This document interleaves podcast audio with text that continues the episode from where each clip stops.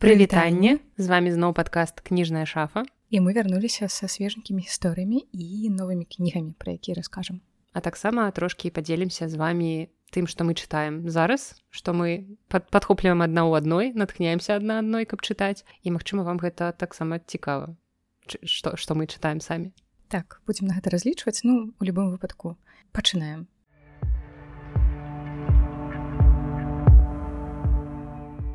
пачнём з самай самай свежай і актуальнай гісторыі якая адбылася вось літаральна толькі што да нас зайшоў мужчына ну гадоў 70 магчыма. І ён заходзіць нас не першы раз. Ну прынамсі яго не першы раз бачу. Ён заўсёды пытае нешта чаго ў нас няма але ён працягвае прыходзіць. Які настойлівы чалавек. Галоўнае не здавацца ў любой жыццёвай сітуацыі. Я просто вспомніла што мінул раз ён пытаў нешта пра медыцыну вось гэтую нетрадыцыйную да Ну сёння ён недалёка адышоў мне здаецца таму што спачатку ён спытаў ці ёсць у нас што-небудзь па мове жэстаў гэта незвычайны запыт. у нас мабыць такога ніколі не запытвалі а далей все пайшло яшчэ цікавей бо наста як заўсёды нешта пачула не тое. Усе найлепшай гісторыю кніжнай шафе здараюцца не дачу здараюцца так калі вы памятаеце тую самую гісторыю пра аграбленне або крепленне то гэта нешта такога ж кшталту Таму што пасля ён спытаў ці ёсць у нас кнігі па псіхалогіі і і і я пачула гэта нармальна ён спытаў кнігі па псіхалогіі і экстрасэнсорікі А я пачула этнасэнсорікі і я думаю што это такое што я не ведаю. Я пачынаю гугліць этнасэнсоріка у мяне ў галаве запускаецца працэс гэта шчытванне народаў праз нешта Ну і я ў нас ты запытваю ну что такое этнасэнсорыка так. я адказваю што там же была экстрасэнсорыка але вось наста прыдумвае новыя тэрміны таму магчыма калі вы займаецеся чым там не ведаю сацыялогіяй псіхалогіі то этнасэнсорыка гэта некае новае слово.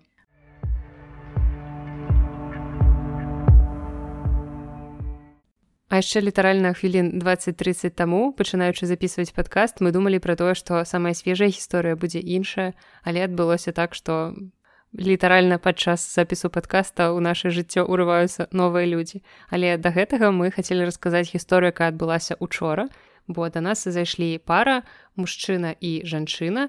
І ў гэты момант у нас у кнігарні таксама з намі быў наш любімы перакладчык сярожанька матырка ўжо на чацвёртай хвіліне падкаста мы яго згадваем з кожным разам усё бліжэй і бліжэй Мне здаецца што наступны выпуск мы пачнем з фразы прывітання з вами кніжная шафа і прывітанне Сергея матырку каб скончыць гэтым разам назаўжды бо наступны выпуск просто Сергей матырка все і працягваем выпуск. Дык вось быў тут сярожа і гэтыя людзі у нас запытвалі спачатку яны спыталі пітера пена по-беларуску на жаль ужо яго у нас няма.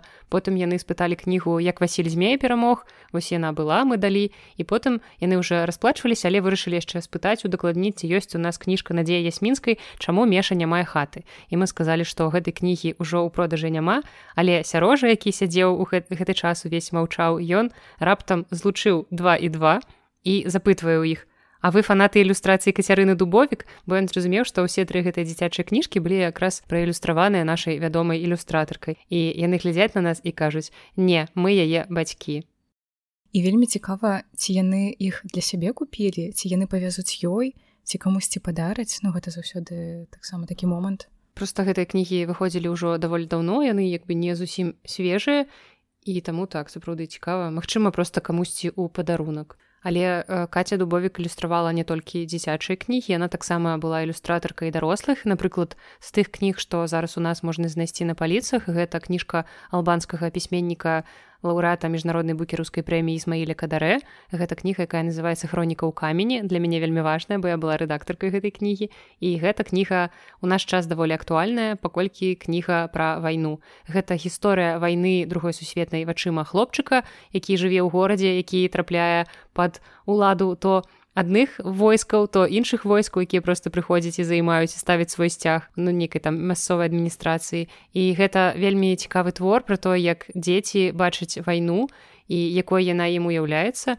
І таксама гэта трошкі аўтабіяграфічны твор які расказвае нам пра дзяцінства аўтара у албаніі у горадзе дзіракастра у якім нарадзіўся і той самы сумна вядомы албанскі дыктатар энверходжа нас паківала галавой. У захапленні ад таго як ты вымаўляеш гэтыя слова гэта незнаёмыя незвычайныя да, і назва горада вот это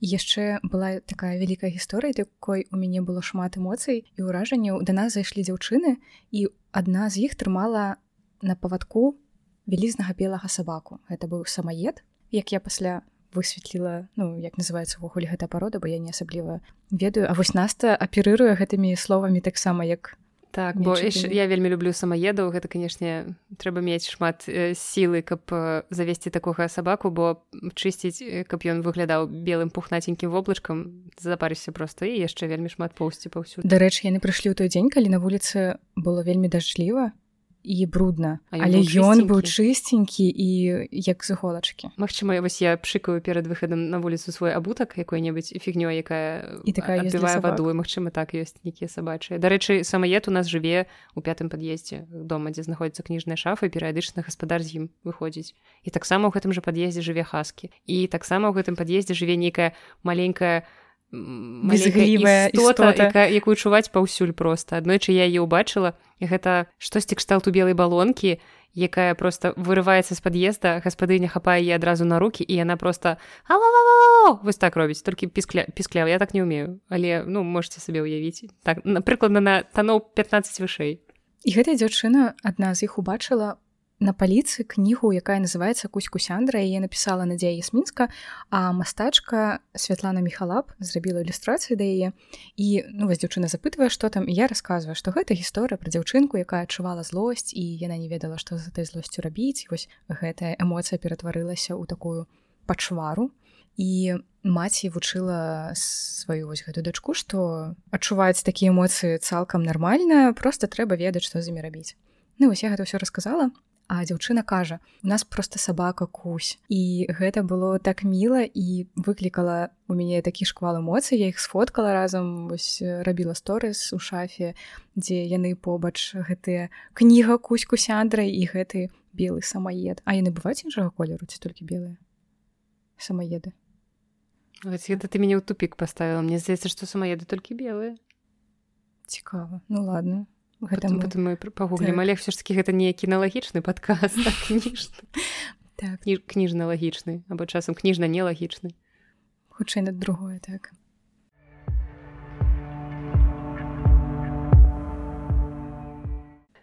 Адзін з любімых відаў гісторыі, якія мы записываем у кніжнай шафе, гэта дыялогі нашых наведвальнікаў, якія адбываюцца па-за камунікацыя з намі часцей за ўсё калі заходзіць нейкая пара і яны паміж сабой штосьці абмяркоўваць і вось напрыклад была вясёлая гісторыя калі зайшлі даволі маладыя муж і жонка. Яны тут доўга хадзілі дакладней муж сеў а жонка доўга хадзіла яна выбрала одну кніжку кніжку ольхі прымачэнка к себе нежна даволі папулярнае выданне якое у нас на паліцах доўга не стаіць. Яго звычайна раскупаюць. І яна хацела купіць гэтую кнігу тому что ольга аўтарка кнігі удзельнічала ў мінску ў нейкім мерапрыемстве дзе была спікерам і дзяўчына хацела наведаць гэтае мерапрыемства і як такая паслухмяная школьніца яна хацела выканаць домашняе заданне і прачытаць гэтую кнігу і яна хадзіла хадзіла яна ў выніку патэлефанавала сяброўцы каб удакладніць ці пойдзе яна з ёй на тое мерапрыемства потым яна сказала мужу што можа ты са мной туды сходзіш і ён так здзіўлена абурана сказаў ёй штосьці накшталт ой там будуць адныя жанчыны што мне там рабіць яна яго ўпэўнівала што не там і мужчыны мабыць будуць ну і нават калі адныя жанчыны то ну нічога страшнага але ён не пагадзіўся але ў выніку яна ўсё ж таки вырашыла купіць кнігу падумала што няхай яна і не пойдзе на мерапрыемства добрый дзень Ну вось вельмі даўно нас не перарывалі падчас запісу падкаста, але такая праца ў кнігарні, бо вы памятаеце, што мы записываемся наўпрост з месца падзей і працягваю гісторыю. дзяўчына ўсё ж таки вырашыла ўзяць гэтую кнігу к сябе нежна. Яна гэтую кнігу ўзяла, прыйшла на касу, плаціла за яе і тут раптам яна кажа свайму мужу. Я тут поняла, што за два з палавінай года з момента создания сям'і у нас так много кніг появилось. Ён глядзіць на яе з неразуменнем ну і трохі з такім жартоўным выразам і запытвае какой сям'і яна адказвае нашай з табой сям'і ну трошки забурэннем але я думаю што ён просто такім чынам жартаваў не хацеў яе пакрыўдзіць а просто так вырашыў што гэта смешнае пытанне ну, сапраўды смешна так. Я яшчэ так хихікнула сабе ну і вырашыла моцна не смяяцца але пырснула смехам трошки сама сабе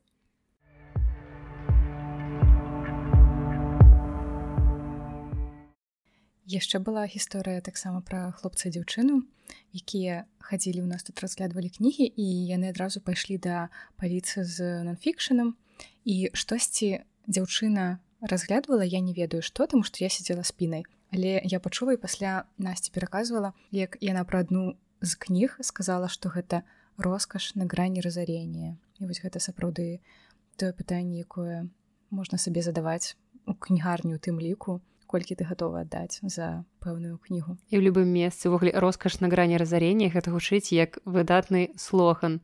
Вось я калі заходжу па крамах музычных я часам гляджу на гітары і вось пра сябе думаю што гэта роскаш на грані разарення ці вось на меня есть мара гэта фэндер стратакастер скажи яшчэ раз гэта. Фэндер стратакастер для мяне просто гэта не касмічна гучыць гэта мадэль гітары фэндер гэта кампанія якая вытворца вось стратакастер гэта мадэль. На іх граюць вядомыя музыкі розныя. У мяне мара паграць на электрагітары. Ну мяне якраз ёсць электрагітара і я магу прынесці яе кніжную ша завтра кніжнай шафе канцэрт. Ну ладно.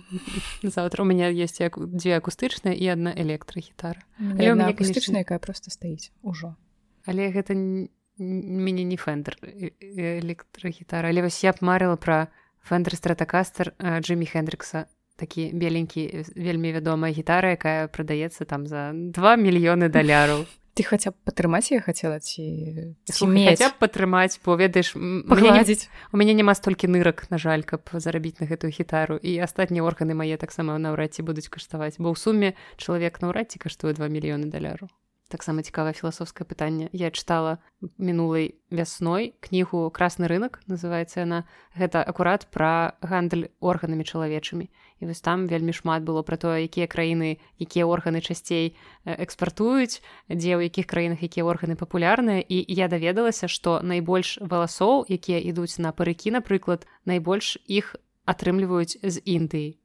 Вельмі часта індыйскія жанчыны спецыяльна расцяць сабе валасы бо гэта для іх прыбытак. Ты можаш потым гэтыя валасы адрэзаць і атрымаць грошы. Невялікія праўда але ўсё роўна. Кніжка цікавая я б вам раіла яе пачытаць. Она не цалкам я б сказала што яна мяне моцна захапіла. Яна не вельмі аб'ёмная але каб прынамсі неяк пагрузіцца ў гэты свет для мяне такі даволі таямнічы і загадкавы свет гандлю органамі то гэта было было цікава. Цікава ці ёсць там нейкі рэйтынг што у беларусі Не пра Беларусь там ну, не слова, але вось індыйскія валасы для мяне сталі адкрыццём. І ў гэтай гісторыі ёсць працяг, таму што дзяўчына пайшла да паліцыі за дзіцячымі выданнямі і ўзяла гартаць кнігу пра мумітроляў. Гэтыя вядомыя істоты, я думаю, вы пра іх чулі, можа быць, нават і чыталі, прыехалі бо глядзелі мульцікі. І вось яна гартае і кажа: мой псіхацерапевт гаварыць, што мумітрулі это што мумітролі гэта чысцейшая псіхалогія і хлопец не спачатку зразумеў і кажа песні? І на кажа не вось кніга туве янсан і тады ён зразумеў што гэта было не пра гурт му метролі а пра кніжкуменніцу і яе кніжку. І гэта тут павінна быць музычная хвілінка з песняй уходзім уходзім уходзім наступят времена пачыще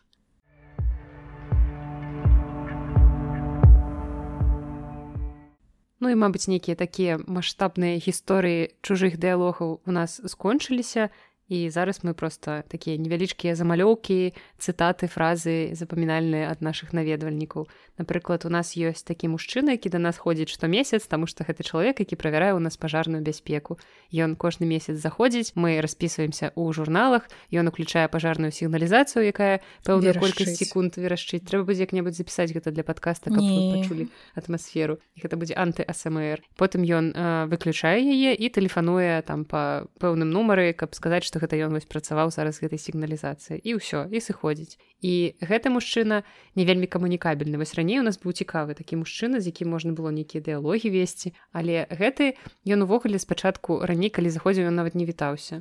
І уявіце заходзіць вось гэты мужчына ну, мы-то яго ўжо ведаем прывыклі з часам але першы раз не зайшоў просто ты пастаіць і нічога не кажа але у яго позірк што ён патрабуе нешта і мы спрабавалі зразумець што ён хоча. На жаль думкі мы чытаць пакуль не навучыліся хаця часам але нам патрэбна мінімальная камунікацыя з чалавекам каб потым пачаць чытаць думкі і прапановаць нейкія кніжкі. Але тут зразумела яму былі непатрэбныя кніжкі. І вось апошні раз калі ён прыйшоў правяраць пажарную бяспеку ён зайшоў і спытаў А что это вы свечку сёння запалілі или это крещение? І вось ён спытаў менавіта так свечку сёння запалілі? Ён сказаў по-беларуску такой нармальнай сакавітай беларускай мовай. І вось ён ужо пачынае трохі сацыялізавацца. Я ему адказала что як бы не ну просто для утульнасці бо я не вельмі разбіраюся ва ўсіх гэтых рэлігій рэлігійных святах тады ён пасмяяўся. Але раней мне здаецца што ён бы нават не дазволіў сабе нейкія такія фразы. Бо цяпер ён нават вось нашай настасіі вядзе нейкія сэнсаваны ну, так, нібыта сапраўды вучыцца камунікаваць. І гэта сапраўды выглядае як вучыцца бо ён кожны раз спрабуе штосьці сказаць. Гэта гэта добра. Мне здаецца сацыялізацыя гэта заўсёды добра.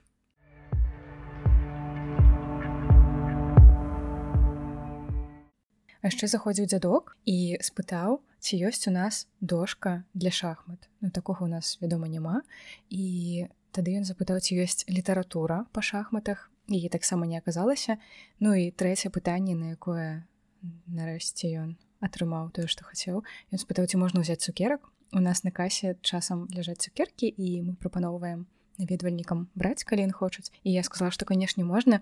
І ён запытвае такой вось трасянкай это у вас для пасажыраў? І я не разумела для чаму... пасажыраў карабля тысея так неказвычы літаратурна. подземная лодка кніжная шафа. Сабмарин ці мы хутчэй под под падвальная? цокальная.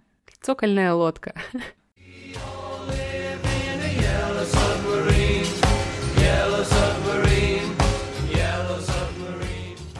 А ты ведаеш, калі быў апошні пік продажаў у свеце шахматных дошак? У мінулым стагоддзе?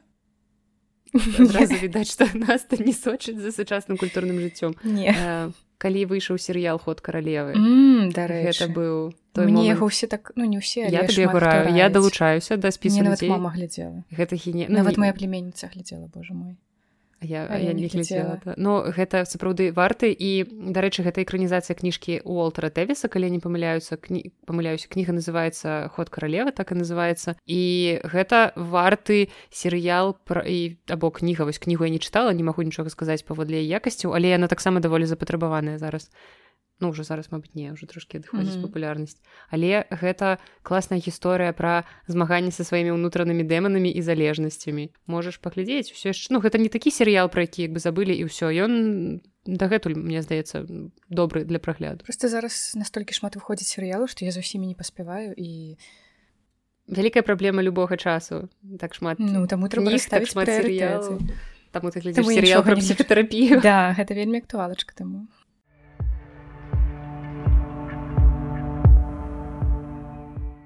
А з нядаўніх цікавых запытаў у нас было такое, што зайшоў мужчына, ён відаць спяшаўся моцна, ён хуценька спытаў нужна кніга в мягкой обложке самая дзешовая чалавек у больніцу пачытаць. І я подумала, што гэта так сумна чалавек у больніцы, а яму яшчэ і самую танную кніжку выбіраюць, якую выбіраюць не паводле зместу нейкіх яе якасцяў характарыстыка паводле таго, што яна самая танная ў мяккай вокладцы. Але насамрэч ёсць такія кнігі, якія нават чытаць можна не чытаць. То бок, напрыклад, у нас ёсць вось гэтыя дзіцячыя інтэрактыўныя кнігі яны з ілюстрацыямі ну напрыклад жывёл тому што жывёла самыя папулярныя і на гэтых ілюстрацыях ёсць часткі якія можна мацаць. То бок там устаўкі так нейкай шэрсці шурпатыя языкі можна даставаць што-небудзь гэта кніжкі над якімі заліпаюць мне здаецца часцей нават э, дарослыя яны з такім захапленнем бывала бралі гэтыя кнігі і падсоўвалі свайму дзіцёнку і казалі паглядзі як прыгожа а дзіцёнак такі ну жмякнуў пальцам адзін раз і не ацаніў. А гэтая маці стаіць і мацыя трошки антыстрэс. калі яны да нас прыязджаюць. Так это асаблівы від задавальнення калі прыходзяць новыя кнігі ты уже забыў што ты там заказваў але разумееш што о боже мой гэта ж вось гэтыя абнімашкі яны так выглядаюць гэта такія кнігі у якія можна пальцы засунуць і атрымліваецца як цацка. Вось кніжка цацка гэта добры падарунак дарэчы калі вы э, хочаце пайсці ў госці на нейкае там свята да малога дзіцёнка але вы асабліва не ведаеце што ў бацькоў ёсць што яны чытаюць то лепш мабыць купіць нейкую такую хутчэй інтэрактыўную кніжку цацку якой як бы і тэксту трошкі ёсць пачытаць нейкі чатырохрадкоў і здаецца там вершаронак так. так. і пры гэтым гэта цацка якую дзіцёнак яшчэ не до конца зразумее што гэта яму нешта адукацыйнае падсунулі Дык вось на днях гэтую кнігу з якая называется кого любят медвежата яна пра мядзведзя яна літаральна вось з гэтымі часткамі якія можна мацаць яе хлопец назваў так это ж кантактны зоапарк Таму нават такое ёсць. І мы можемм тады прапаноўваць паслухі кантактнага зоапарку для людзей, якія, напрыклад, як я не любяць зоапаркі, цыркі, кантактныя зоапаркі, таму што гэта здзекі з жывёлу і вельмі неэтычна. Вось для такіх людзей можемм прапаноўваць вам абсалютна легальны і бясшкодны, бяскрыўдны кантактны зоапарк кніжнай шафе это что называется у нас есть любыя морды і насы на густ. так есть яшчэ там за, так называется кніжка зоапарк і яшчэ у нас ёсць лось якога можна мацаць і ён ад гэтага не будзе пакутаваць. Вы не забывайце што у нас ёсць тэрапеўтычны лось. Такім чынам ён таксама трошачки ўваходзіць у наш кантактны зоапарк а мы? А мы коцікі. Нас таксама можна пажме не ну Не, ладно не. не. пажадана. Не пажадана. Это толькі для абраных да? Не будзем развіваць гэтую тэму пяройдзем да наступнай. Не будзем тлумачыць як стаць тымі самымі абранымі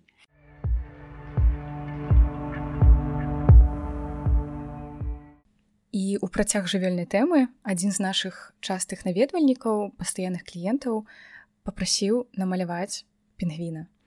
Калі вы слухалі мінулы выпуск, то вы ведаеце, што я малявала мышку таксама па запыце праз пошту. А вось на гэты раз мікіта перадаём прывітанне заходзіў і купляў ма- кормака макарці кнігу і попрасіў падпісаць яе ад нас ад шафы і вось намаляваць пінгвіна. Таму гэты пранк выйшаў з-пад кантролю і я малявала не толькі мышку але цяпер вось і пінгвіна. А я дагэтуль нічога не малявала. Ребята давайте заказвайце кніжкі пішыце ў каментарях што вам намаляваць я зраблю што магу.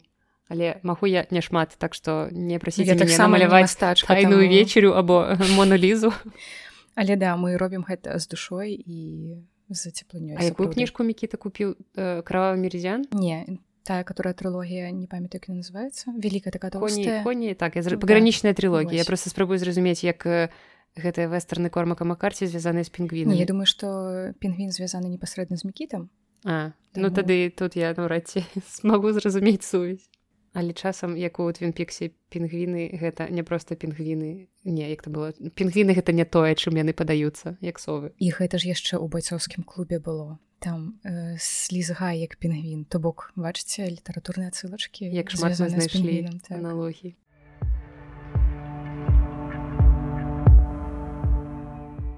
нядаўна прыйшла дзяўчына якая сказала што яе попрасілі набыць кніжку яна кажа кніжка пра стамбул на беларускай мове але я дакладна не ведаю як яна называецца гэта было смешна таму што я і сказала што кніжка так і называецца стамбул дзяўчына пасмяялася і купіла гэтую кнігу стамбул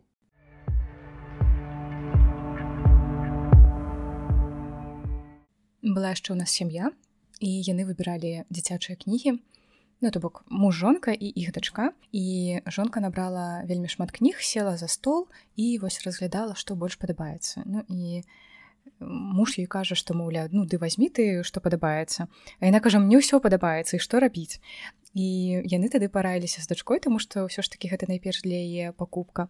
І калі ўжо расплачваліся то жанчына запытала ў мяне ці будзе чацвёртая частка гары потера по-беларуску тому что іх дачка на сёлетні на леташні сёлетні сёлетні сёлета карацей на новы год. Вы як вось і правда новы год ён прайшоў сёлетні Ну новы год першага студзеня значыць все ж такі сёлетні ну актуальны на Так. апошні актуальны Апошні. Год.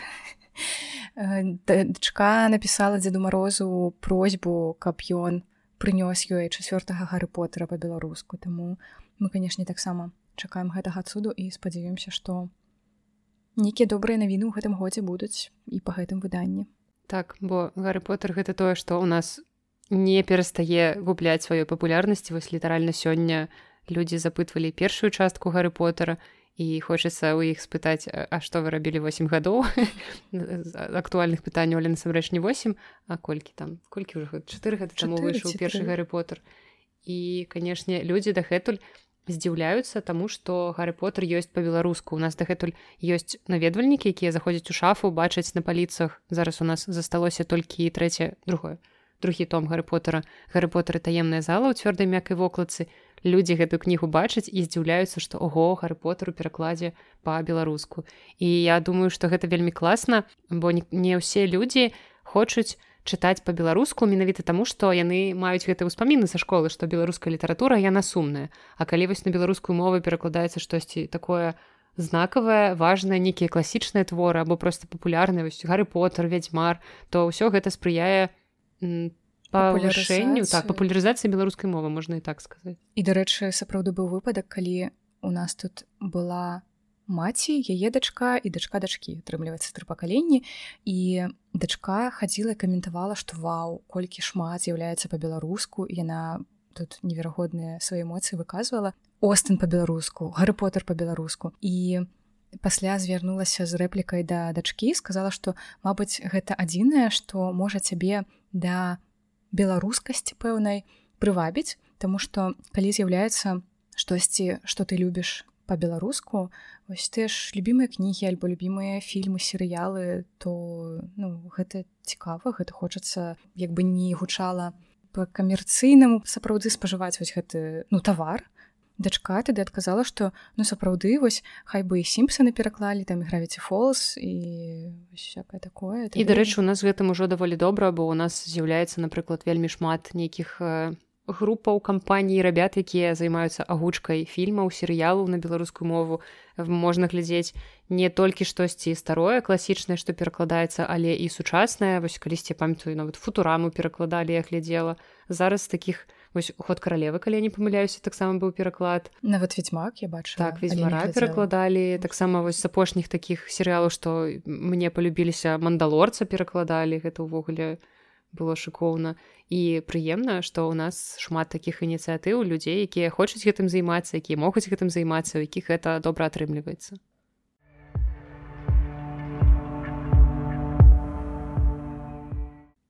А цяпер звернемся да актуальных гісторый звязаных з рознымі лютаўскімі святамі напрыклад неяк яшчэ перад пачаткам лютага у канцы студзеня да нас завітаў хлопец які пахадзіў паразглядаў паліцыі а потым падышоў і спытаў ці будзем мы працаваць першага лютага. Я паглядзела по календары што гэта серада ну звычайны наш рабочий дзень кажу што так вядома ж будзем. І ён кажа што цудоўна бо я у вас тут наглядзеў кніжак у мяне першага лютага дзень народзіну. Я прывяду сваіх хлопцаў каб яны мне купілі падарункі. І так ён сапраўды першага лютага са сваімі хлопцамі прыйшоў. На жаль ужо не я працавала і, і не нас так была на шчасце. дырэктор дырэктарка яна сказала што вось яны гэтыя хлопцы купілі яму гэтыя кнігі. Гэта прыемна вось калі у вас няма ідэй што падарыць але вы любіце кнігі то можете правярнуць штосьці падобнае. Дарэчы у нас сертыфікаты ёсць так. што. калі вы не ведаеце канкрэтную кнігу але ведаеце што чалавек у прынцыпе ў нашай кнігарні можа штосьці для сябе падабраць калі ён не шукае кнігі па мове жэстаў па шахматах на сэнсорыцы і экстрасэнсорыцы то тады запрашайце яго сертыфікатам сюды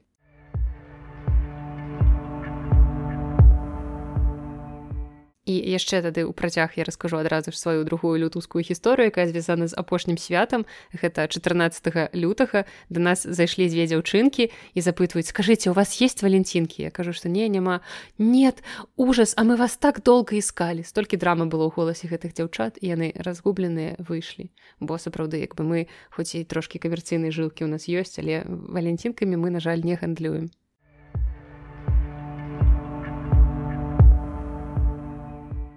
А яшчэ шмат гісторый, якія звязаны проста з эмоцыямі, якія людзі выказваюць, прыходзячы да нас і яны часам бываюць палярныя. Таму што збольшага тое, што мы чуем, гэта захапленне, гэта выражэнне радасці. І вось я памятаю, заходзілі дзяўчаты і яны захапляліся дзіцячымі кнігамі і пасля ну то бок яны прям выказвалі вось гэтае сваё захапленне і пасля адна з іх спытала ў мяне, ці ўсе людзі да нас прыходзяць вось такімі эмоцыямі кажа што у нас такая незвычайная канцэпцыя і здаецца гэта яны расказвалі пра тое што даведаліся пра нас падкаста і таму што вырашылі з мужам падвучыць мову і вось трапілі на наш падкаст і часам слухаюць яго ў машыне але бываюць і палярныя як я ўжо казала эмоцыі напрыклад зайшлі дзяўчыны хлопец яна была вельмі незадаволеная вельмі такая сама по сабе просто па жыцці незадаволена не ну можа быть ее настрой быў хутчэй за ўсё такі вось нейкі сумны ці злосны не ведаю. І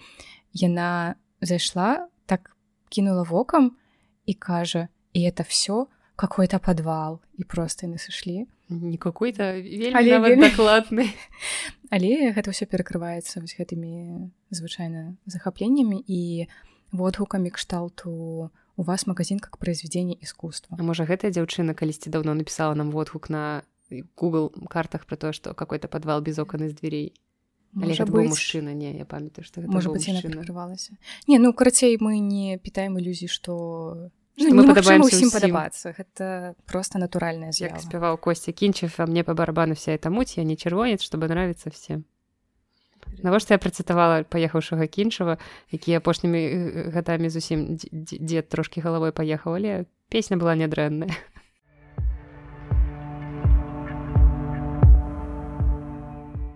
І я тут адразу згадала нашу жанчыну з царквы працягваем гісторыі пра гарадскіх вар'ятаў ну умоўна кажучы, да. так. мы, мы з любоўю калі што вы ўжо так. памятаеце што мы вельмі любім гэтую жанчыну і без яе міфічная істот гэта будзе нумар два пасля матыркі каму мы перадаём так. такое умоўнае бо без яе мне здаецца наш падкаст быў бы ўжо не тым і наша кніжная шафа была б не той.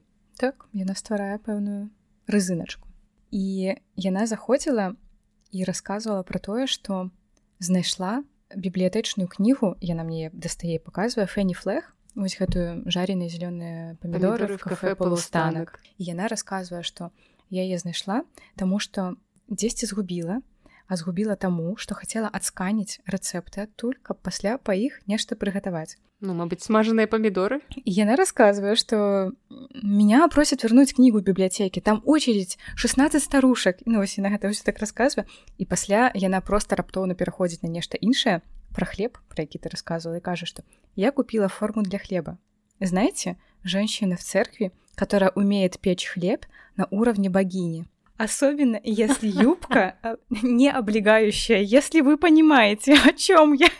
Я сяджу. Блин, про что ты? Ты разумела, про что? Я не зразумела. И после она сказала, что падарыла дачце на новы год бутылку шампанскага і дачка з-за гэтага перастала выкідваць яе рэчы з прадбанніка представляете? Вот на ну, то бок васіна гэты поток мне выдала і калі у вас такі праблемы з чалавекам які выкідвае ваши рэч рэчы з кватэры то можете просто падарыць ім бутэльку шампанскага і можа быть наладзіцца ўсё гэта як гэты трыпутнік прыкласці ты чагосьці і гэта сапраўды як нас так кажа што часам я просто адразу пачынаю записываць і вось яна мне гэта кажа а я ўжо пішу таму што яна такія рэплікі выдае якія хочацца пасля пераказваць так што яна пахіне цяпер так жанчына з царквы якая умее рабіць хлеб так на ўзроўні багіні асабліва калі не аблегающая юбка. Запамінайце цытаты людзей так.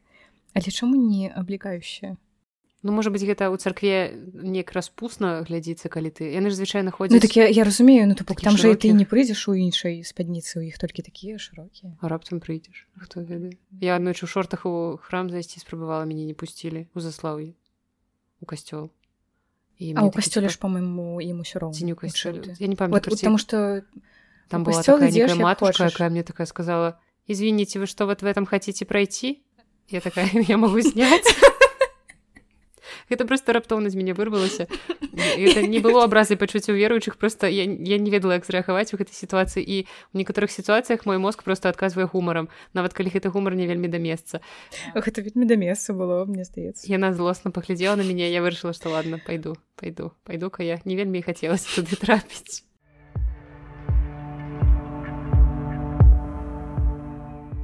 і працягваючы тэму цудоўных цытат якія мы записываем за людзьмі у нас тут нядаўна быў наш знаёмы ігар крэпс чалавек імя якога ведаюць людзі якія круцяцца ў літаратурных колах. І вось ігар сказаў што наш нстаграм нагадвае акрабатычнае кніжніцтва. Ён меў на увазе ўсе тыя пастэкі мы выкладваем дзе напрыклад я там паўтараю нейкую асану з йогі ці, ці яшчэ як-небудзь дзіўна мы там сядаем кладземся стаім на галаве ці штосьці такое. Вось гэта акрабатычнае кніжніцтва. Калі раптам мяне хтосьці спытае чым я займаюся ў жыцці я буду адказваць акрабатычнае кніжніцтва і разумееце што хочаце просто цырк дзю салей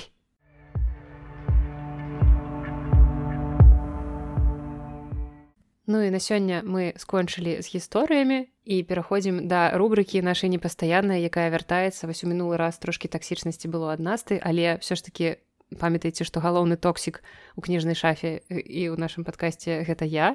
Я сёння прыйшла да вас з моўнай хвілінкай. Калі да нас заходзіць у кніжную шафу наведвальнікі я універсальна ім кажу добрый дзень гэта можа прагучаць і па-руску і па-беларуску як бы няважна. І ёсць людзі пераважна беларускамоўныя людзі якія заходзячы да нас і чуючы гэта добрый дзень калі яны заходзяць я не ведаю 1832 яны мне кажуць які дзень? Вечар ужо. І я кожны раз стрымліваю сябе ад таго каб патлумачыць людзям пра тое што добрый дзень гэта універсальнае беларускае вітанне якое ты можаш ужываць у тры гадзіны ночы можаш ужываць 11 гадзіне раніцы у 1847 у 1935 карацей у любы час. Калі ты бачыш чалавека то кажаш добрый дзень бо рэч у тым што вось тое што раніцай кажуць у нас нібыта добрыя раніцы у беларускай мове да савецкага часу такога звароту не існавала. І у беларускай мове вось у беларускім моўным гэтым этыкеце не існавала асобнай нейкай такой фразы асобнага вітання на ранак на вечар ці там на, на іншы дзень. У многіх мовах увогуле такіх не існую іх ёсць просто універсальныя вітанні і стагоддзямі просто мы віталіся просто фразай добрый дзень і вось гэтая добрая раніцы з'явілася ўжо як калька з рускай мовы з рускага добрае утро Таму каб быць ветлівымі можемм вітацца просто фразай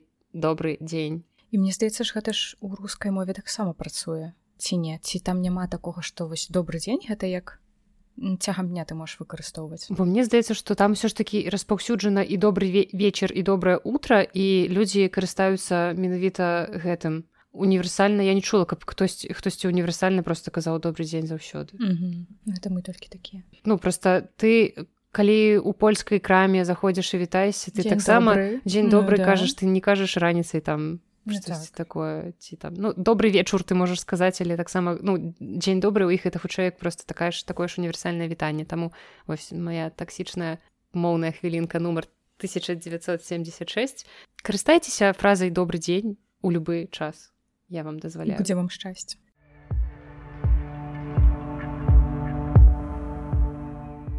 і цяпер відаць мы пяройдзем ужо да кніг непасрэдна так? Так і спачатку мы пагаворым уласна пра тое, што мы самі зараз чытаем. Няхай як бы не ўсе гэтыя кнігі ёсць у продажу ў кніжнай шафе, але як вы разумееце, у нас такі падкаст агульнаадукацыйны і мы не заўсёды не заўсёды такія камерцыйна накіраваныя, каб вы куплялі тое, пра што мы расказваем. Часам проста хочацца параіць вам нейкую добрую кнігу, якую вы можете купіць у прынцыпе у іншым месцы. Бы просто падзяліцца, таму што мы вам давяраем, вы нас любіце, мы вас таксама любім. Ну, так, гэта такая хілінка хілінка ваніль, ванілінам запахла але гэта добра я далучаюся да нас. І з чаго мы пачнём з цябе з мяне цуефа э, камень ножніцы бумага яшчыріца спок зноў я прамовіла нейкі шмат нейкіх незнаёмых для нас нас там не адкрывае свет вось гэтых нядаўна я раз... мемаў да. Ну, да стар... гэта ну не вельмі стары але недавно я рассказывала насця што такое супербоул і вось дарэчы калі калі вы не рассказывала не памятаю.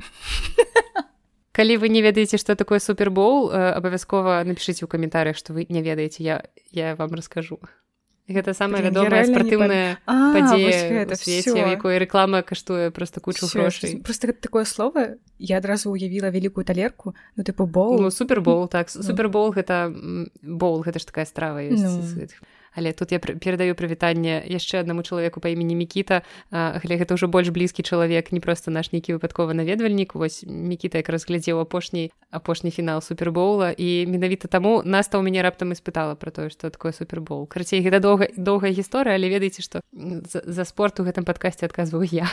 Які зашмат што інш ну. а ты за што больш адказ за псіхалогію нормально. Отлично. Трэба і за такое бо у нас калісьці калі мы гулялі ў квізы была ў камандзе дзяўчына якую звалі таня і яна казала што я ў гэтай камандзе адказваю за прыгажосць то бок яна абсалютна нармальна разумела свае здольнасці разумовая і яна просто прыгожа сидзела але яна ведаеш ты захацела расказаць расскажы что что хочаш не стрымлівай сябе памятаеце мем? Ён з'явіўся нядаўна там дзе коціку працягваюць грошы за шкло і ён кажа што маўляў тут недастаткова. Наш горача любімы георгій пугачоў які пакідае любімыя нашы каментары просто у любых у любых соцсетках. любых соцсетках под рознымі нікнеймамі. Ну мы ведаем два дакладна. І мы вельмі любім гэтыя каментары тому што яны вельмі дасціпныя вельмі пачуццём гумару як мы любім так. такія на мяжы часам бываюць але вось на той самай мяжы якую мы вельмі любім mm -hmm. і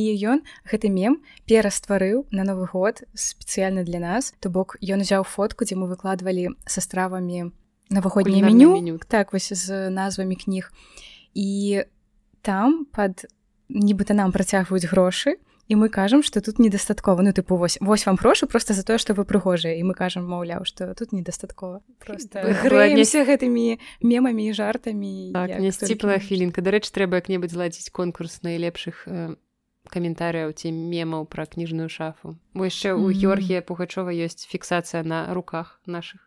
Бо калі на фото якое мы робім для наших сацетак ёсць чыйсьці руки ён заўсёды гэта пракаментуе. Гэта вельмі прыемна заўсёды перамагае наста Ну сэнсе наста у нас тры насты і так, так. гэта заўсёды вось разумееце гэта такі вось гумар вось ён вельмі ў кантэксце там так што ў конкурсе у кніжнай шафе у конкурсе на самыя прыгожыя рукі перамагла наста як і ў любым іншым конкурсе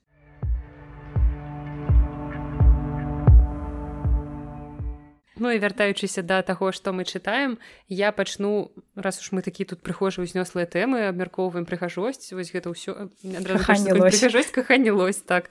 Перадаём прывітанне віталю рыжкова беларускаму паэту, які наўрад ці слухае наш падкаст, але чаму б не. Дык вось я раскажу пра кніжку любовь в эпоху ненавісці флоріана і леса пра якую мне здаецца мы ўжо дзе толькі не гаварылі. У маім пачалося ўсё да знасцінага падкаста. Пасля мы рабілі дакладней пачалося ўсё з таго што мы заказалі гэтую кніжку так як гэта навінка і наста яе прачытала і она ёй спадабалась я яе купіла ў першы ж дзень. Гэта бывае рэдка тому што я амаль што не купляю кнігі такія такое адкрыццё можа быць для вас. Дык вось пасля мы яшчэ пісалі пра яе у соцсетках сваіх і згадвалі і сябрам раілі і пішам адтуль цытаты дасылаем розным людзям у розныя месцы. месцы так сказаць на таких карацей ладно да. не будзем разумныя Вось. І я настолькі натхнілася асабліва пасля таго як наста расказала пра гэтую кнігу у маім падкасці у выніковым выпуску года. І я подумала што варта яе прачытаць. І я просто не магла адарвацца. Гэта цудоўны твор пра тое што рабілі розныя вядомыя літаратары не толькі літаратары розныя вядомыя асобы на працягу 1920 дакладней з 1929 по 1939 год гэта час паміж сусветнымі войнамі час калі ўсё было даволі нестабільна і адзінае мабыць што магло дапамагчы людзям трымацца ў гэтым свеце гэта пачуцці адносіны і як Ілія сам піша ў гэтай кнізе што разабрацца ў любоўных сувязях гэтых людзей практычна немагчыма таму што хто там толькі з кім, з кім? не муціў просто і што не рабіў я вось выпадкова на выпадковай нейкай старонцы адкрыла тут пачынаецца 1933 год. Маргарета штэфен шчыра кажучы нават не ведаю хто гэта бо не ўсе людзі тут вядомыя тут існуе як бы шмат даволі вядомых асобаў а ёсць і не вельмі. І вось яна берет карандаш бумагу и пишет сонет к своему возлюбленному Бертольду Брехту. Ну, Брехта, я думаю, что вы все ведаете. Сегодня мне снилось, что я лежу рядом с тобой. Это был скверный сон. В нем он сначала соблазняет ее, а потом сбегает. Вось все, что вам трэба ведаць про гэтую книжку, гэта шмат вось таких гісторый, часам яны кароткія, часам больш доўгія, гэта неверагодныя гісторыі адносін людзей, калі асабліва ты іх ведаеш кшталту як рэмарка і марлен дзітрых і гэтая гісторыя іх кахання яна э, праз усю кніжку праходзіць чырвонай ніткай яны то сустракаюцца то не сустракаецца то іх ёсць нейкія пачуцці то няма. І гэта такая драма якая разварочваецца чалавечая але разам з тым вельмі жыццёвая. Таму я вельмі натхнілася гэтай кніжкай і яна вельмі актуальная.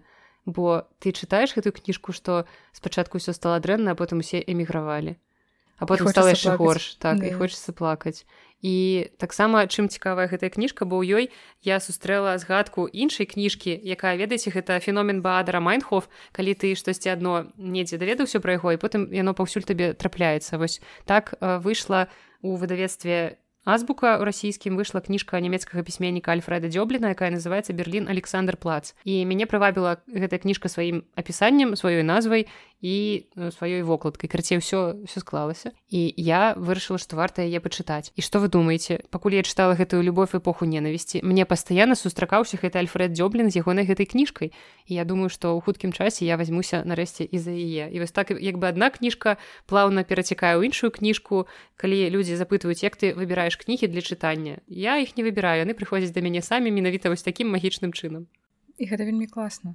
Ну нешта пра тое як увогуле ўсё ў жыцці так адбываецца звычайна і да як звязана.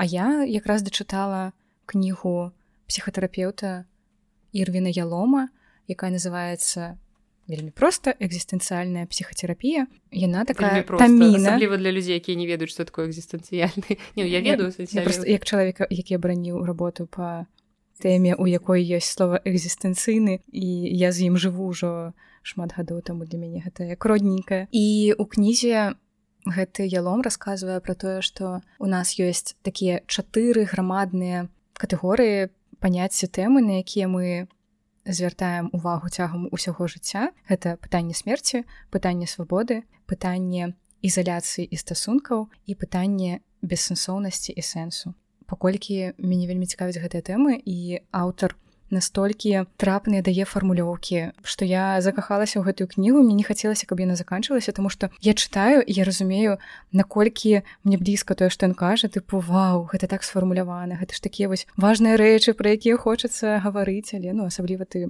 про гэта не пагаворыш але тое што ёсць кнігі у якіх ты можаш пра гэта чытаць і разумець што нібыта цябе разумеюць праз кнігу гэта такое вельмі важнае адчуванне і яно вельмі падтрымлівае асабліва калі ты разумееш што ты не адзін з такімі думкамі у прынцыпе мне здаецца што ты з любой сваёй думкай не адзін але калі ты нарэшце знаходзіш гэтаму нейкае вось такое матэрыяльнае ўвасабленне ў выглядзе кнігі так это проста нейкі падарунак ось нібыта цябе слухаюць цябе разумеюць і просто тое пра што ты думаеш фармулююць вельмі прыгожа вельмі трапна вельмі дасціпна гэта як з тымі ж мемамі якія робяць наш георгій пухачоў так і тут просто іншая крайнасць што але гэта таксама выражэнне канцэнтраванае такое нечага вельмі важнага для цябе і гэта вельмі прыемна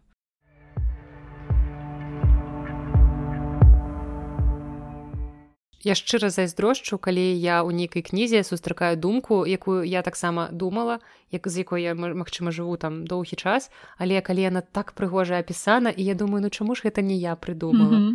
і вельмі вельмі часта у мяне такое здараецца і вось зараз калі ты ўжо скончыла так, так. кніжку то я магу перайсці вось бачыш адна з тэмаў пра якую на якую чалавек заўсёды звяртае ўвагу гэта тэма смерці.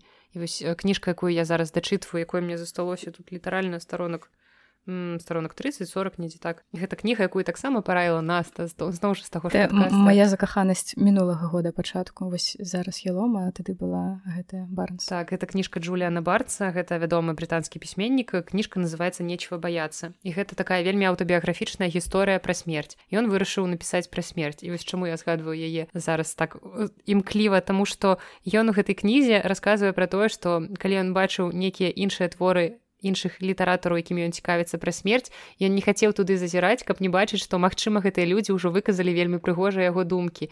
І ён все ж таки пісаў сваю кнігу і не хацеў ведаць што думаюць пра гэта іншае толькі потым можа быць калі-небудзь там ён у гэта зазірне каб упэўніцца што ў іх не супалі магчыма думкі. Ці што ён гэта сказаў можа быць больш прыгожымі словамі. Але я разумею вось асабліва у літаратараў калі ты сустракаеш сваю ідэю або сваю нейкую думку больш прыгожымі словамі гэта заўсёды крыўдна Ну але гэта і чапляе цябе ну, што, ну так што так. ты нібыта знаходзіш аднадумца з якім ты магчыма не знаёмы але гэта такая нейкая ментальная сувязь mm -hmm. на адлегласці і так гэта заўжды мяне кранае і я ну захапленне таксама ад гэтай кнігі хаця вось напрыклад наста цікавіцца тэмай смерці сапраўды чытае шмат розных такіх танаталагічных кніжак сёння я адказваю падкасці за складаныя словы я не сказала б што я на той тэмай смерці цікаўлюся Магчыма яшчэ не той узрост але у мяне ну 29 гадоў раз так сказала нібыта я за гэта ну за ўзросты Не я просто магчыма чаму людзі пачынаюць цікавіцца тэмай смерці адна з прычынаў гэта там падыход пэўнага ўзросту. Або што гэта яшчэ можа хвароба. Хваробы. Або смерць кагосьці з блізкіх ці ты просто пэўны час там сутыкаешся са смерцю напрыклад ты працуеш там патолгаанатамам mm -hmm. тут хочаш не хочаш як бы давядзецца думаць пра смерць. У мяне нічога такога не было хаця як бы ну я бачыла там смерці блізкіх але не сказала б што гэта мяне хвалюе і мяне больш пужае нават не смерць а вось пра гэта барнс так таксама шмат піша бо ён расказвае пра смерці сваіх бацькоў і ён там з імі разважаў напрыклад з маці як бы яна хацела памерці. І вось што ўвогуле людзі часам задумваюцца што ім хочацца памерці хутка і ў сне. Гэта мабыць самае такое распаўсюджанае жаданне. Датычная смерці а не ўвогуле. Так Вось такі чорны гумар мы любім і сярожа матырка зноў скажа што ў нас вельмі дэпрэсіўны падкаст. Але, ну што паробіш такое жыццё мы любім сумнае і чорны гумар все ж таки гумару і гумар пераважае і вось сэнс у тым што ў гэтай кнізе вельмі шмат гумару калі вы чыталі нейкі кнігі барнса мастацкія вы ведаеце што ён не асабліва гумарны чалавек. Гэта не то што ты чытаеш ягоныя кніжкі і рагочаш. Не ён піша просто часам постмадэрнізм часам такі рэалізм жыццёвы але у ніколі гэта не было такім гумарным наколькі ну я чытала пэўную колькасць яго твору. А тут я была здзіўлена і шакаваная тым наколькі класная ў яго пачуццё гумару. І ён нават нейкія простыя рэчы умее апісваць так смешна. І зноў жа зараз будзе гісторыя пра тое як жыццё пераплятаецца з кнігамі або кнігі з жыццём. Магчыма калі ты працуеш у гэтай сферы гэта просто ўсё ў цябе ўзаемазвязана Ну ты не можаш просто да гэтага дысці бо фокус увагі туды скіраваны Так і вось якраз э, часа бывае такое што кніжкі прадказваюць тое што адбудзецца ў маім жыцці або я пра штосьці паразмаўляла а потым сустрэла пра, пра гэта ў кнізе нейкі эпізод і гэта зноў жа магчыма феномен бадра майхов mm -hmm. што ты просто паўсюль бачыш тое вось акурат учора я чытала касмічную кніжку у якой згадваўся супербоул. Вось мы паразмаўлялі пра да. супербол ён адбыўся і там просто амерыканскі заўтра дзе-небудзь сустрэну Так, не забуду что это такое. хутчэй за ўсё. І я хацела расказаць такую гісторыю пра тое што Вось я ў тебе хацела спытаць ці любіш ты калі ты калі ў літаратуры апісваюцца сны? Калі пісьменнік вось уставляе нейкі эпізод дзе герою штосьці сніцца мне без розніцы калі шчыра якая ты бяздушная да? Не гэта наадварот ну добра таму што я ведаю што звычайна людзі не любяць сны ў літаратуры але пісьменнікі чамусьці іх пішуць просто зараз ўжо згаданы раней мой блізкі чалавек мікіта мы з ім чытаем зараз леаніда дайнеку кніжку трылогію вось гэтую ягоную гістарычную. Першая была меч князя зячкі другая я уже забываю назвы след ваўкалака і зараз вось мікіт уже дачытаў я пачала чытаць жалезныя жалуды і мы іх абмяркоўваем тому что ну гэта добрая гістарычная проза я давно хацела яго пачытаць але мне не было ніяк нагода вось у нас такі імправізаваны кніжны клуб. І наше вялікае абурэнне гэтымі кніжкамі толькі ў тым што у іх вельмі шмат апісанняў сноў. Асабліва вось у другой частцы у частцы след ваўкалака там ёсць цэлыя вялізныя эпізоды і я канешне разумею што магчыма туды ўкладзены вялікі сімвалізм які ён параўноўвае гэтых буслоў. І все магчыма так і ёсць але гэтыя старонкі як і ведаеш апісанні прыроды ў якой-небудзь літаратуры хочацца просто перагортваць. Можа ты тыпу дадатак да псіхалагізму нейкага не. Тыпу зрабіць твор больш псіхалагічна вывераным тыпу вось чалавек якому сніцца сон усё як у жыцці і магчыма гэта каб раскрыць глыбей псіхалогію персонажа праз тое што яму сніцца каб трошки ну вось пэўныя сімвалы укладзеныя ну я разумею але мне нават для нотаў гэтым mm -hmm. разбірацца ведаце нек з нейкага літаратуразнаўчага погляду. І вось літаральна учора чытаю я барнса і тут у самым канцы амаль сустракаю. Ён таксама вельмі не любіць сны і ён э, кажа когда я начинал заниматься писательством детством я установил для себя два правила. Никаких снов, никакой погоды. И в этом моменте мне захотелось закричать «Дякую тебе, Джулиан Барнс, тому тебе и любить, мабыть». И далее он пишет. Как читателя, меня давно уже раздражала знаменательная метеорология. Грозовые облака, радуги, далекий гром, как и знаменательные сны, предчувствия, явления и тому подобное. И вось ён э, бліскуча просто піша про тое, што мне заўсёды хацелася сказаць, э, што нікому гэта не цікава Перастаньце так рабіць перастаньце так рабіць але ну ладно можа мяне зараз паб'юць аматары сноў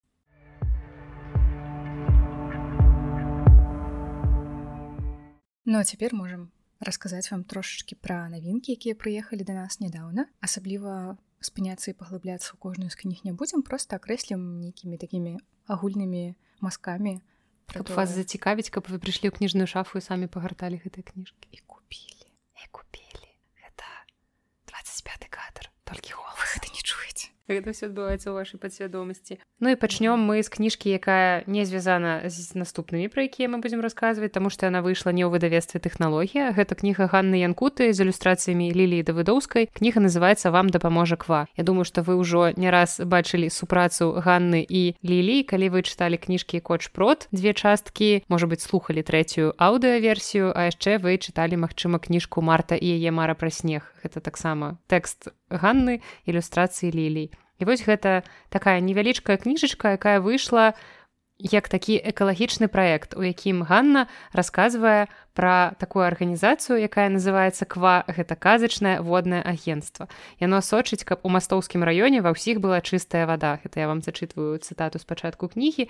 І гэта такі невялічкі дапаможнік па тым як адбываецца ўвогуле там стады ступені ачысткі вады вось у мастоўскім раёне тому что гэта кніжка падрыхтаваная ў межах проекта удзел грамадства і эфектыўнае кіраванне воднымі ресурсамі ў мастоўскім раёне але атрымалася такая даволі цікавая невялічкая брашурка якая з добрым цікавым зместам про то як працуе гэтае казачнае воднае агенцтва. Тут все супрацоўнікі такія незвычайныя. Тут есть квакша баламут і іншыя героі расіца расіца мне вельмі падабаецца такая русалка з доўгімі валасамі. Карацей калі вы любіце ганну за яе пераклады за яе дзіцячую творчасць то таксама гэта кніжка ганны на якую варта звярнуць увагу.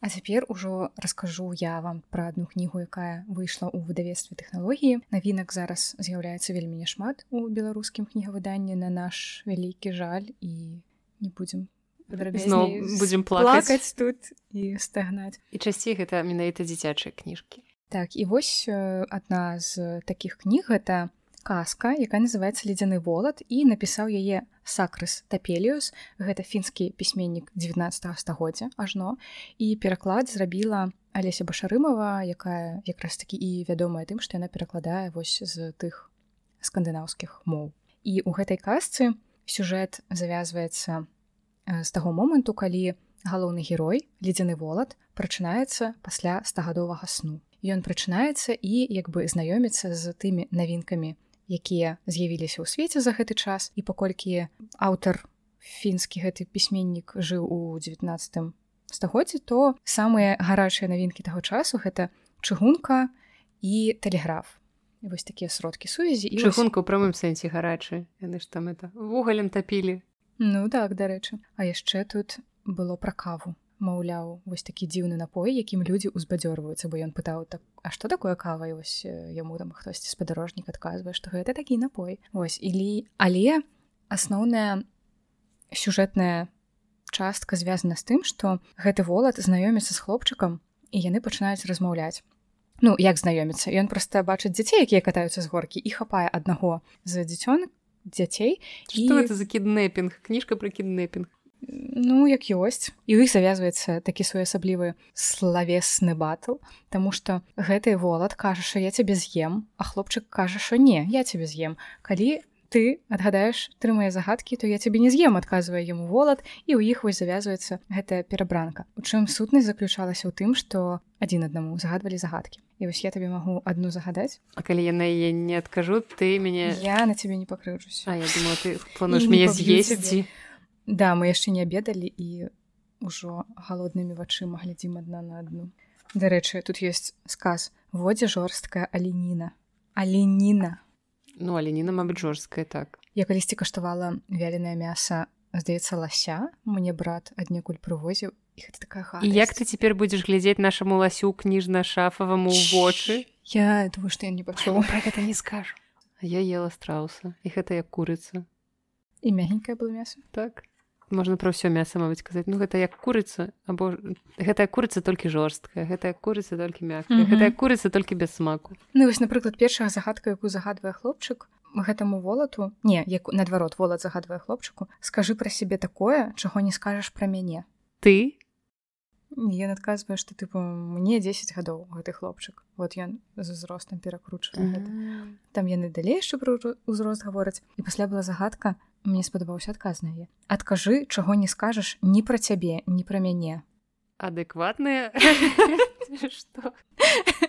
Это ўсё, што трэба ведаць пра нас з кніжнай шафы. Мы неадэкватныя да? Не нармальныя людзі. Ён адказвае, што ніводны з нас не кракадзіл і гэта ж ну блин это сапраўды так да лагічна Ну і вось гэты волат пытае маўляў што такое кракадзіл ён кажу ну ладно не кракадзіл пацук ну то бок тут які якое слово не падбяры да што заўгодна. Але далей там былі загадкі пра месяц пра зоркі там маўляў што існуе ўжо даўно але яно нарадзілася яму няма тыдняў. Ну і вось такія всякие лагічныя загадкі з падкавыркай.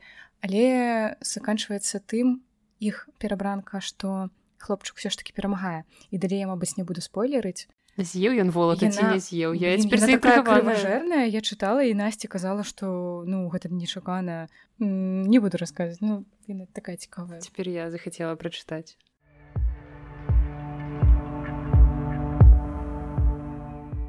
давай наступную твою.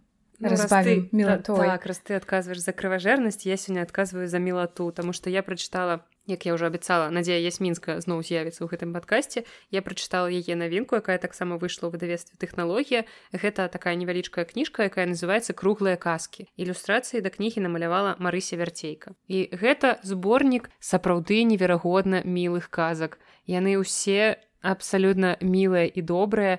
Напрыклад гісторыя пра цікаўную паненачку смоўжачку якая вельмі марыла трапіць на баль. Але як яна смоўш як яна туды можа трапіць? І яна прыкінулася спачатку яна прыкінулася часткай абутку што яна такая вось прыгожая спражка на абутку у адной э, дзяўчыны на яе туфліку і яна трапіла такім чынам на баль. Але і што яна могла там знізу ўбачыць яна бачыла толькі чыйсьці ногі і ўвесь час хтосьці мог на яе наступіць. Таму ёй не спадабалася. Потым яна перабралася вышэй яна здаецца залезла на торбачку і такім чынам прабралася туды. Але ў выніку яна аказалася у прычосцы як заколка такая і вось так она трапіла на баль і ўсё бачыла зверху і так ёй было прыгожа. А наступная казка якая называется зялёны апельсин адразу мне нагадала маю учарашнюю гісторыю з крамы калі я выбірала садавіну і я ўбачыла красный грейпфрут і белы грейпфрут. І ну красный грейпфрут гэта тое што звычайны грейпфрут які як бы не чырвонага колеру зусім а белы грейпфрут быў колерам як лімон.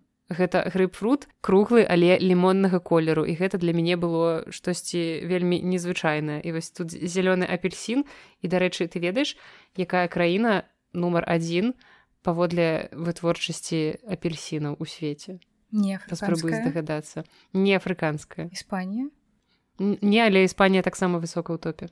Дзесьці блізка з Іспаніяй э, не, не на іншым кантыненце Мексіка але Мексіка здаецца таксама высока карацей нумар один паводле вытворчасці апельсіна ў свеце было б смешна было б смешна калі б я сказала Беларусь да. такое вось сабе гэтая знакамітая э, беларуская беларускія апельсінавыя фермы недзе побач з месцам дзе здабываюць беларускіх креветак ну гэтыя знакамітыя беларускія креветкі Дык вось нумар один гэта бразілія і унёсак у сусветны сусветную вытворчасць апельсіна ў 2019 годзе склаў 22соткі 22соткі ўсіх апельсінаў у свеце вырабляецца ў бразілі я так кажу вырабляецца нібыта яны там яе збіраюць пластыліну але ну гэта як бы вытворчасць вырошчваецца так вот 22соткі нормально. Ну вось таксама ЗША высока у нас же ёсць гэты стэеатып про тое што амерыканцы заўсёды на сняданак п'юць. На галодны страўнік п'юць апельсіны высок вельмі разумныя людзі просто геній. Дык вось тут гісторыя пра зялёны апельсін які не станавіўся жоўценькім. А, а чаму вы можете даведацца з гэтай каз таксама тут вельмі шмат таких цікавых гісторый у якіх з дзеткамі можна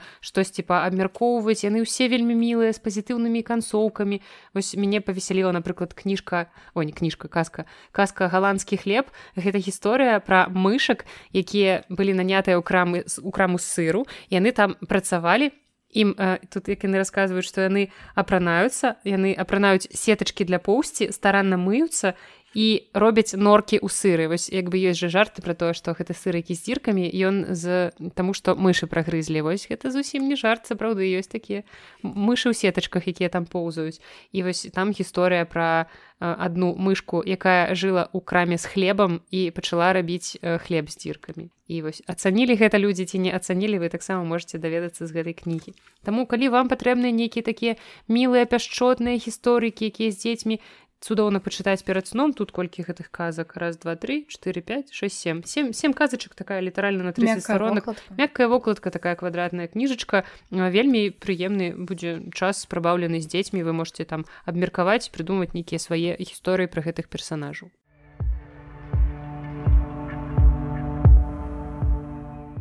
А я зноў да трошки па жэсце і гэта кніга адна з самых відаць гарачых навінак выдавецтва тэхналогіі і вельмі чакалі і ў нас запытвалі таксама. Гэта кніга беларускія нячысцікі. Лясныя яе зрабіў Артур басак. То бок і апрацоўка то бок ён напісаў тэкст намаляваў малюнкі і дарэчы я бачыла здаецца ён стикер пакет у так, для вайбера для тэлеграма стикер пакі з гэтымі нячысцікамі Вось і яму дапамагала літаратурна апрацоўваць гэтыя тэксты Аліна длатоўская, якую можа быць вы ведаеце па такім гарадскім фэнтэзі, якое называется арнаменты кніга выходзіла некалькі гадоў таму і яе ну даволі хутка раскупілі такое падлеткавае добрае нармальная фэнтэзі. Дык вось у гэтых нячысціках кніга такога фармату а4 кожная кожны з разваротаў праілюстраваны непасрэдна выявай гэтых самых істот і падаецца невялікая гісторыя пра тое што ж гэта істоты робяць у нашых беларускіх лясах каго яны завабліваюць якім чынам і што з людзьмі робяць. Хаця канешне сярод гэтых істот сустракаюцца і не толькі крыважэрныя але і такія даволі добрыя напрыклад гаёўка якая лечыць і істот э, лясных э, міфічных і не міфічных і людзей да яе можна звяртацца дапамочных і не міфічных выдуманых невыдуманых напрыклад ёсць такая істота праява якая звязана з дрэвамі калі вы любіце абдымацца з дрэвамі то трэба быць больш асцярожнымі Таму што вось гэтая праява яна маскіруецца пад дрэва і калі вы падыходзіце да яго ў сутыч то яна гэта істота працягвае вас да сябе паглынае і дрэва становіцца мацнейшым і большым Таму калі вы бачыце вялікае дрэва ў лесе, то магчыма, што там тосьці унутры ёсць з жывых, але ўжо не з жывых. А яшчэ, напрыклад, аўтар згадвае, што кажуць, нібыта апошняга аднарога забілі менавіта ў Беларусі. Вось таму ну, ёсць такая легенда. Слухай, мне здаецца, што Беларусь славіцца апошнімі не самымі добрымі рэчамі. Да.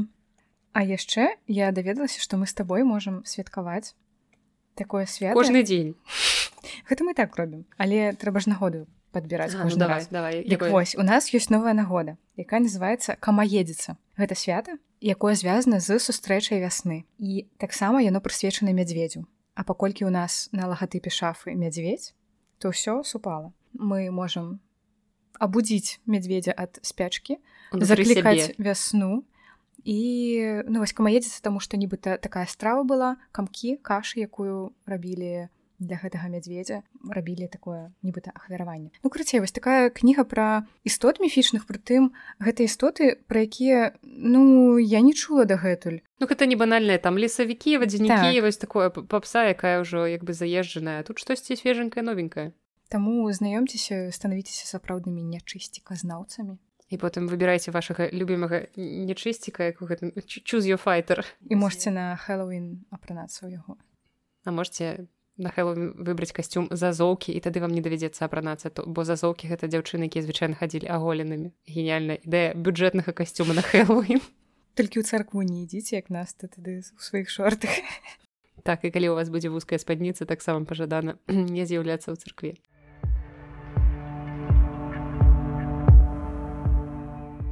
Ну і скончым мы ўсё вельмі вясёла нечакана вясёлай кнігай. Гэта кніга хто бы мог падумаць карнея чукоўскага. Усім нам ён вядомы як аўтар знакамітага айбаліта. Але наш цудоўны Андрей скурко які зараз вельмі плённа займаецца напісаннем вершаў для свайго сынка тамаша я думаю мы не будем рассказывать адкуль ён гэта ўсё робіць это вельмі сумная гісторыя але сэнс у тым что Андрей скурко зараз вельмі радуе нас сваёй творчасцю ён выдаў цэлы зборнік вершаў дзіцячых і ён зараз такі плённы плённы дзіцячы аўтар і вось ён пераклаў але можна хутчэй сказаць што перастварыў кніжку пра доктара айбаліта і назваў яе добры доктар будь здароў гэта тая ж самая нам знаёмая гісторыя пра доктара айбаліта які лечыць жывёлак які ўсім дапамагае але трошкі асучасненая паколькі тут з'явілася напрыклад такая рэч як мульцікі бо доктар паказвае сваім хворым гэтым зверанятам мульцікі і лечыць іх ад розных хваробаў. І вось я хочу вам зачытаць урывачак з якога вельмі вельмі тхне вось гэтым духам сучаснасці про тое як э, макака прылятае да доктара і перадае яму тэлеграму ад гіпапатама про тое што ў яго там усе хварэюць усе звераняты усе хварэюць. І вось ён запытвае на што хварэюць ваши дзеткі і ён адказвае яму так так так у іх ангіна і адзёр і шкарлятына. Малярыя грыб кавід дэфтарыя і бранхіт добры доктар памажыце ім усім жывот баліць вось мы бачым гэты гэтае слово кавід разумеем як бы што у арыгінале карней чукоўскага наўрад ці мы маглі такое сустрэць. І гэта вельмі цікава з дзіцячымі кніжкамі класна што можна вось так пагуляцца пераствараючы іх не губляючы пры гэтым нейкі каларыт твора самога бо твор атрымаўся настолькі ж вясёлы бо ну наколькі я памятаю доктор айбаліт быў сапраўды вясёлым смешным творам. І як кажуць у анатацыі рытму дух настрой арыгінальнага твора перададзены дасканала. Вось тое што я пачытала ўжо мне спадабалася. Я пачытаю кніжку цалкам і ў яе вельмі прыгожыя ілюстрацыі. Зараз я скажу хто праілюстраваў гэтую кніжку. Мастачка Ганна зайцева І вельмі важна, што ў пачатку кніжкі тут ёсць прысвячэнне. Пераклад прысвечаны самаахвярным беларускім дактарам. Ну, вось такая трошкі актуалачка. Пандэмія, здаецца, ўжо ад нас адыходзіць, але ўсё роўна дактарам мы па-ранейшаму за гэта удзячныя за ўсё тое, што яны рабілі ў свеце. І на такой бадзёрай магчыма ноце мы будзем завершаць падкаст наш магчыма самы доўгі выпуск. падкастаў да, цікава колькі атрымаецца па выніку храналогія наша. Бо нам зараз цяжка сказаць паколькі да нас заходзілі наведвальнікі і ў гэты час мы не спынялі запіс і мікрафон усё запісваў у нас есть усю цішыню прамахваць так усю цішыню калі мы сядзелі маўчалі каля мікрафону але мы спадзяёмся што гэта было не зацягнута і дарэчы хочацца нейкай зваротнай сувязі ад вас. Ці падабаецца нам ну такая трошку змена Вам. фармата нам падабаецца бач толькі пра сябе і думаю. Гэта эгоістычная эгоістычная наста. Ці падабаецца вам такі фармат калі мы абмяркоўваем не толькі тое што ў нас тут адбываецца але і трошкі нашага чытацкага досведу кніжак якіх магчыма у нас у наяўнасці няма. А ўсе кніжкі якія ў нас наяўнасці ёсць мы пакінем у апісанні да гэтага выпуску все пра што мы рассказывалі усе цікавыя спасылкі будуць там. І вы можете купіць гэтай кнігі у нас, нас на паліцах і у нас на сайце так. Кожны выпуск мы будзем згадваць наш сайт. Пакуль вы ўсе там не купіце штосьці Таму трымайцеся далей.